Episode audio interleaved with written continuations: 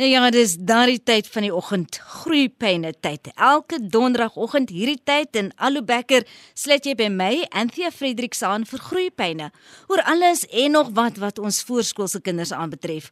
Ons steek kers op by kundiges, gesels met mense wat passievol is oor die welstand van ons kleine mensies en ons kuier lekker saam. Goeiemôre en baie welkom.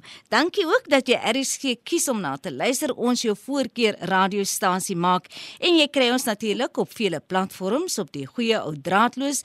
Daar's die internet by rsg.co.za en dis wêreldwyd. So welkom vanoggend aan al ons luisteraars in die buiteland.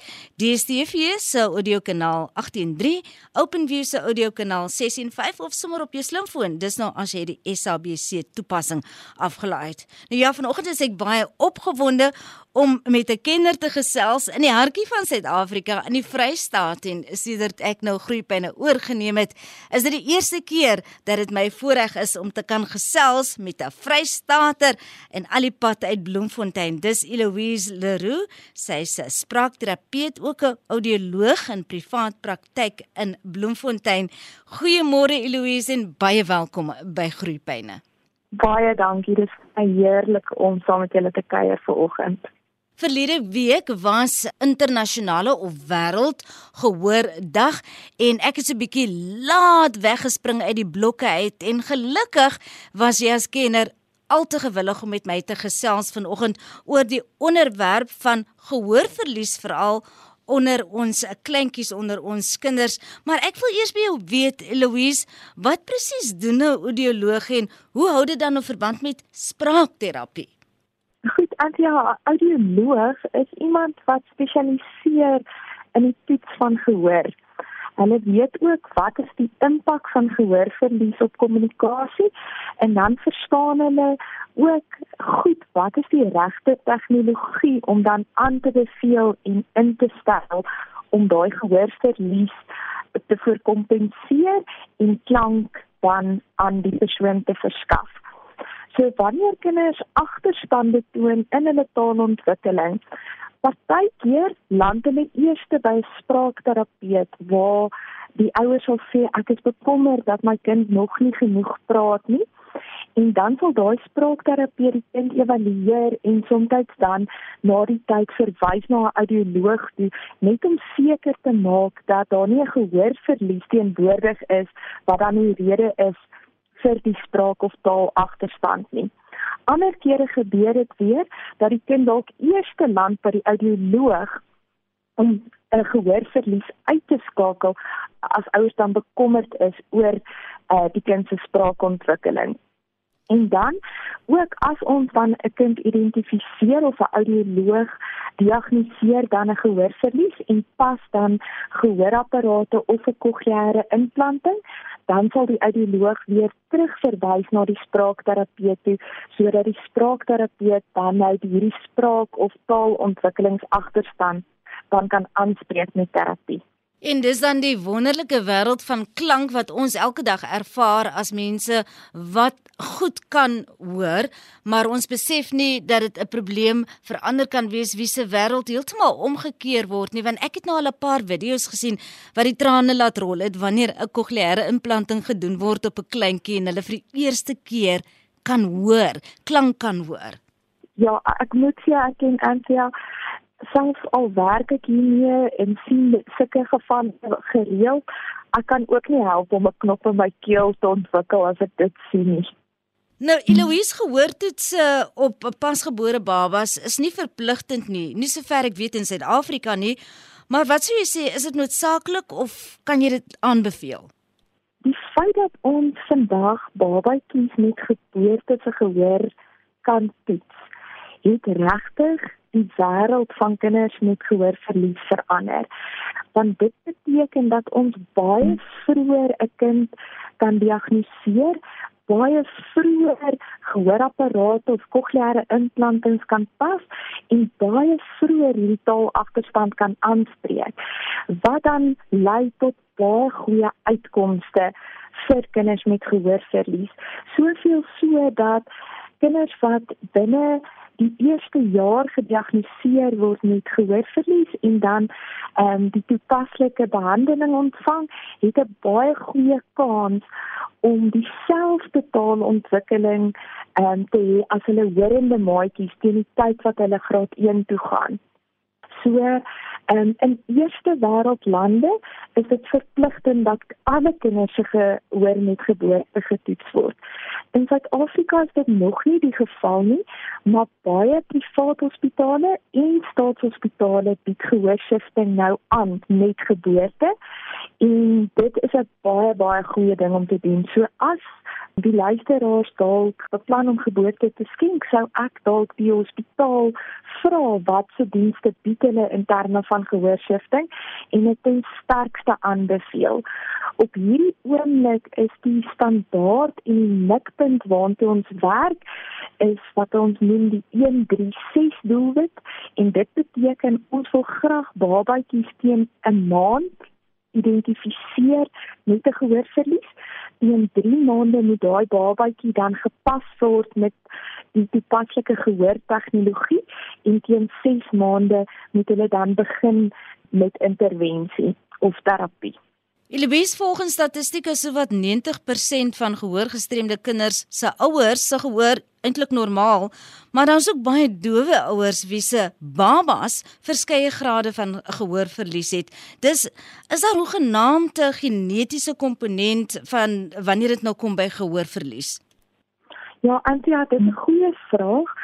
En gewoonlik as 'n babatjie gediagnoseer word of 'n jong kind gediagnoseer word met 'n gehoorverlies, het ouers die vraag, maar waar kom dit nou vandaan?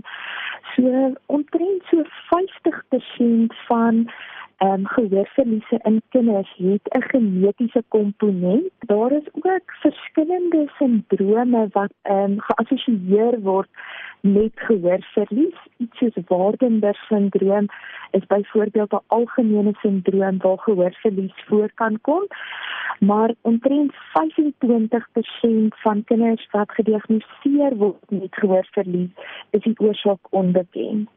Watter rol speel omgewingsfaktore? Dis nou nie 'n babatjie wat nou dalk met 'n mate of 'n graad van gehoorverlies gediagnoseer word nie, maar oor die verloop van tyd 'n kleuter en 'n peuter. Ja, so dit is baie interessant. Ons moet nie dink net as ons babatjie dalk die gehoortoets geslaag het in die hospitaal dat dit nou 'n gehoorverlies nou vir altyd uitgeskakel word nie.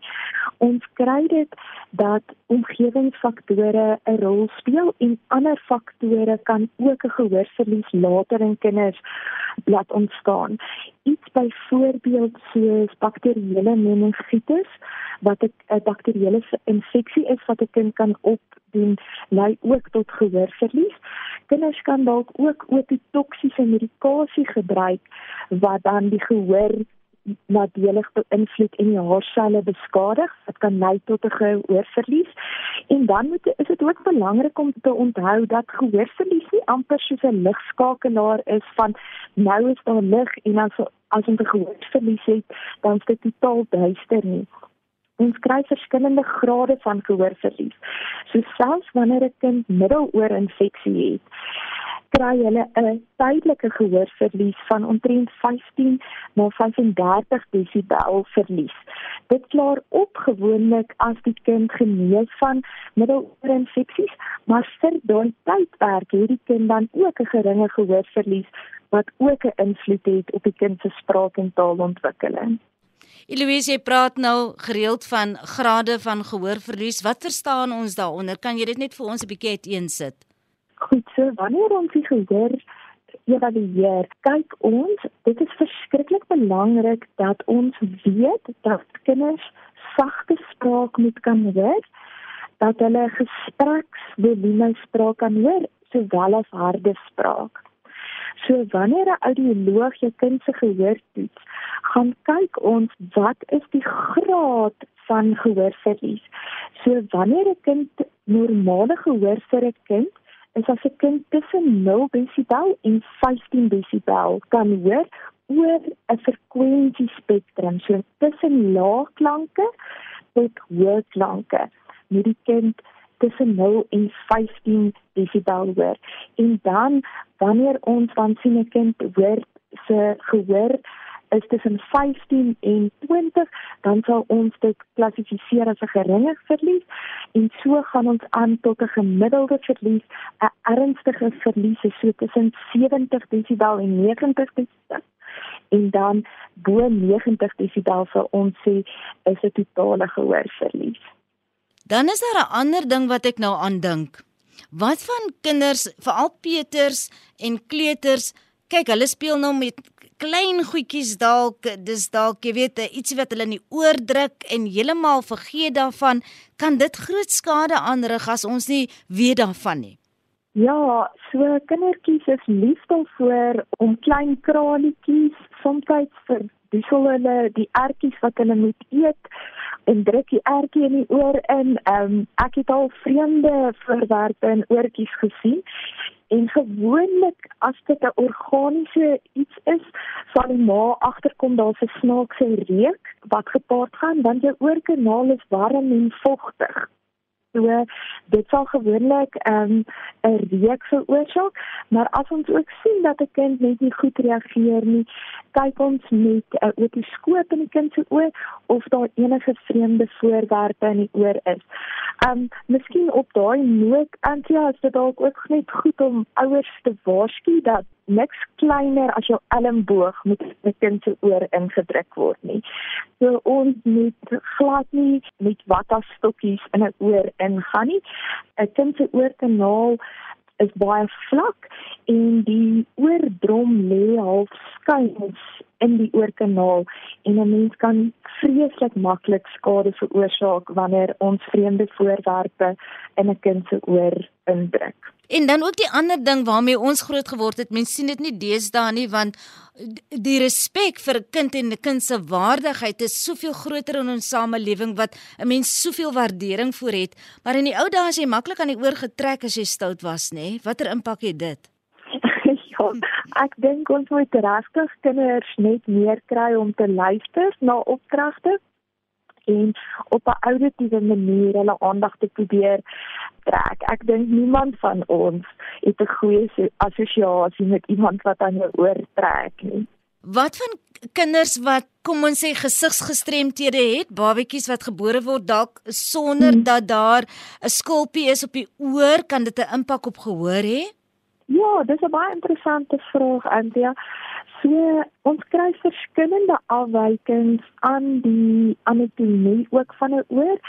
So daar is seker sindrome wat die buitekantste gedeelte van die oor nie ehm um, goed gevorm is nie. Ons noem dit dan atresia van die buiteoor. Of partykeer is hy net gedeeltelik gevorm of partykeer is daar nie 'n oorkanaal nie. En in daardie gevalle sal die kind ook presenteer met 'n gehoorverlies en dan kry ons ander vorms van gehoortegnologie wat ons vir daai kinders gebruik. So dan van 'n gehoorapparaatjie wat agter die oor kom, nie werk nie want daar is nie 'n oortjie om hom daar in plek te hou nie. In daai gevalle gebruik ons beengeleidings-gehoorapparate wat ons amper soos met 'n kopband aan die kind se kopie vasmaak en dan gaan ehm um, stimuleer die klank deur beengeleiding en daarom sal daai kind dan ook toegang hê tot klank. Ons gebruik net 'n ander geleidingsmetode met hulle. En so gesels my gans vanoggend hier in Groepyne, dit is Eloise Leroux. Sy is 'n spraakterapeut, sy is ook 'n audioloog in privaat praktyk in die Vrystaat in Bloemfontein en ons gesels vanoggend oor 'n baie belangrike onderwerp hier in Groepyne. Dit is gehoorverlies by kinders veral en die intervensies wat kan plaasvind om daardie probleem aan te spreek daardie uitdagings en Eloise deel vanoggend met ons waardevolle inligting net hier op Groepyne 100 tot 104 FM. Eloise, wat is die verband tussen gehoor en taalontwikkeling want jy het vroeër net ligweg daaraan geraak? Ja, so as ons dink aan sia aan gehoor, dan het ons gewoonlik 'n prentjie van die oor, nê. Nee. Maar eintlik as ons praat van gehoor, moet ons eintlik 'n prentjie van die brein wat voor ons opkom. Want 'n gehoorverlies is eintlik 'n toegangsprobleem tot die brein. Dit verhoed dat inligting by die brein uitkom. So dit is eintlik wat ons nodig het om spraak en taal te ontwikkel. So dink so daaraan dat ons hoor eintlik met ons brein. Die oor en die gehoorstelsel lei net vir ons die klank tot by die brein. Maar dit is waar ons sin maak van wat ons hoor. En indien ons dan dink aan 'n kind, 'n normale gehoorontwikkelende kind, wat geen gehoorverlies het nie. Daai babatjie hoor byvoorbeeld die woord mamma sedert 20 weke gestasie ouderdom en dan in die eerste jaar van daai kind se lewe hoor hy gedurig die woord mamma. Mamma sal jou aantrek. Kom, laat mamma jou optel. Hier's mamma. En daai boodskap gaan heeltyd na die brein toe. En daarom na 'n paar maande begin die kind assosieer dat mamma saam met hierdie persoon gaan. En dan op 6 maande begin hierdie babatjie nou babbel en hy hoor sy eie stem. En hy begin al hoe meer en nader kom aan die woord mamma voordat hierdie kind dit op 'n jaar sê. Maar daarteenoor 'n kind met 'n gehoorverlies hoor nie daai woord nie en daarom assosieer hy nie daai woord met daai persoon nie. En so kan ons nou praat oor al die ander woorde wat hierdie kind nie toegang tot het nie. En daarom wanneer ons dan laat 'n kind diagnoseer met 'n gehoorverlies, het hy uitgemis op al daai assosiasies wat dan eintlik vir jou begrip van taal laat word. Maar dan nou, hoe verskil die aanhoor en die aanleer van taal tussen dowe en horende kinders, Eloise? So kom ons dink daaraan dat as ek nie 'n goeie sein of 'n onduidelike sein ontvang nie, dan gaan my spraak ook onduidelik uitkom. Dink daaraan dat as ek en jy nou gesels oor hierdie telefoongesprek maar ek het nie goeie sein op my telefoon nie. Gaan jy net gedeeltes hoor van wat ek sê. En as jy dit dan moet verwoord, gaan jy nie die volledige prentjie of die idee kan vorm nie. En dan kinders met normale gehoor hoor dan van kleins af 'n goeie klank en hulle begin daai betekenis assosieer met daai klank.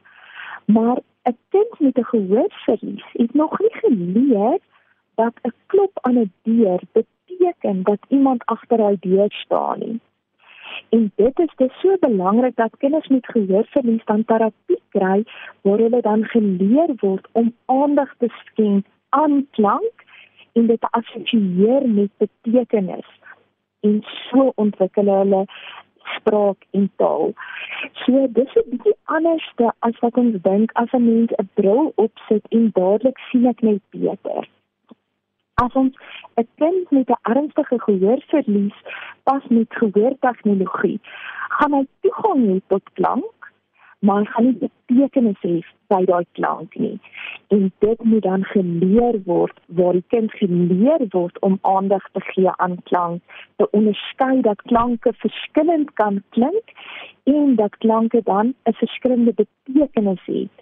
En daar begin taalontwikkeling vir daai kind teenoor die voordeel wat 'n kind het met normale gehoor wat klaar hierdie assosiasies maak van geboorte af. Kom ons kyk gou-gou na die intervensies beskikbaar vir kinders met gehoorverlies. As dit nou 'n baba is wat 'n pasgebore baba wat in die hospitaal getoets word en daar word wel bevind dat hierdie baba het 'n graad van gehoorverlies minimaal of dan ook 'n optimale verlies aan gehoor, wat gebeur daarna? Dit is 'n baie goeie vraag. Ek dink dit is belangrik om te weet dat so diagnose is gewoonlik 'n groot skok vir ouers. En ek dink dit is baie belangrik om ouers goed te ondersteun en ruimte te gee om daai diagnose te verwerk. Maar terselfdertyd weet ons vandag deur die navorsing hoe vroeër ons kan intree met hulp, hoe beter is daai uitkomste. En dit plaas soms ouers onder geweldige druk om vinnig besluite te maak oor die opsies. So daar is hoofsaaklik twee groot opsies waaroor ouers kan besluit. Ouers wat kies om 'n verbale roete te gaan waar hulle kind dan leer om te luister en dan ook gesproke taal vir hulle wil aanleer maak dan gebruik van gehoortegnologie. So daai babatjie sal dan gepas word met gehoorapparate en dan inskakel by 'n terapieprogram waar die ouers leiding kan kry oor hoe om hierdie babatjie te leer om aandag te gee aan klank en betekenis te heg. So dit is 'n meer ouergerigte benadering waar hulle dan leiding kry en waar die kind se vordering dan gemeet word. Daar is 'n ander roete wat ouers soms verkies en dit is die nie-verbale roete. Daai ouers sal dan kies om meer die pad van gebaretaal met hulle kinders te stap en dan die nodige hulpbronne te benader om gebaretaal vir hulle kinders aan te leer. En so gesels my gas vanoggend dis audioloog, sy's ook spraakterapeut, Eloise Leroux hier in Groepyne met ons. Eloise, groetheid het aangebreek en daar's nog so baie wat ek jou wil vra. Miskien moet ek net eers noem As ons nou praat van hierdie intervensies wat jy nou pas genoem het, is dit 'n duur proses en waar gaan klop 'n mens aan? Betaal mediese fondse daarvoor? Ja, mediese fondse betaal vir terapie vir kinders wat gediagnoseer word met 'n gehoorverlies. So in die privaat sektor is daar dan privaat praktyke waar mense mediese fondse kan gebruik om vir die dienste te betaal.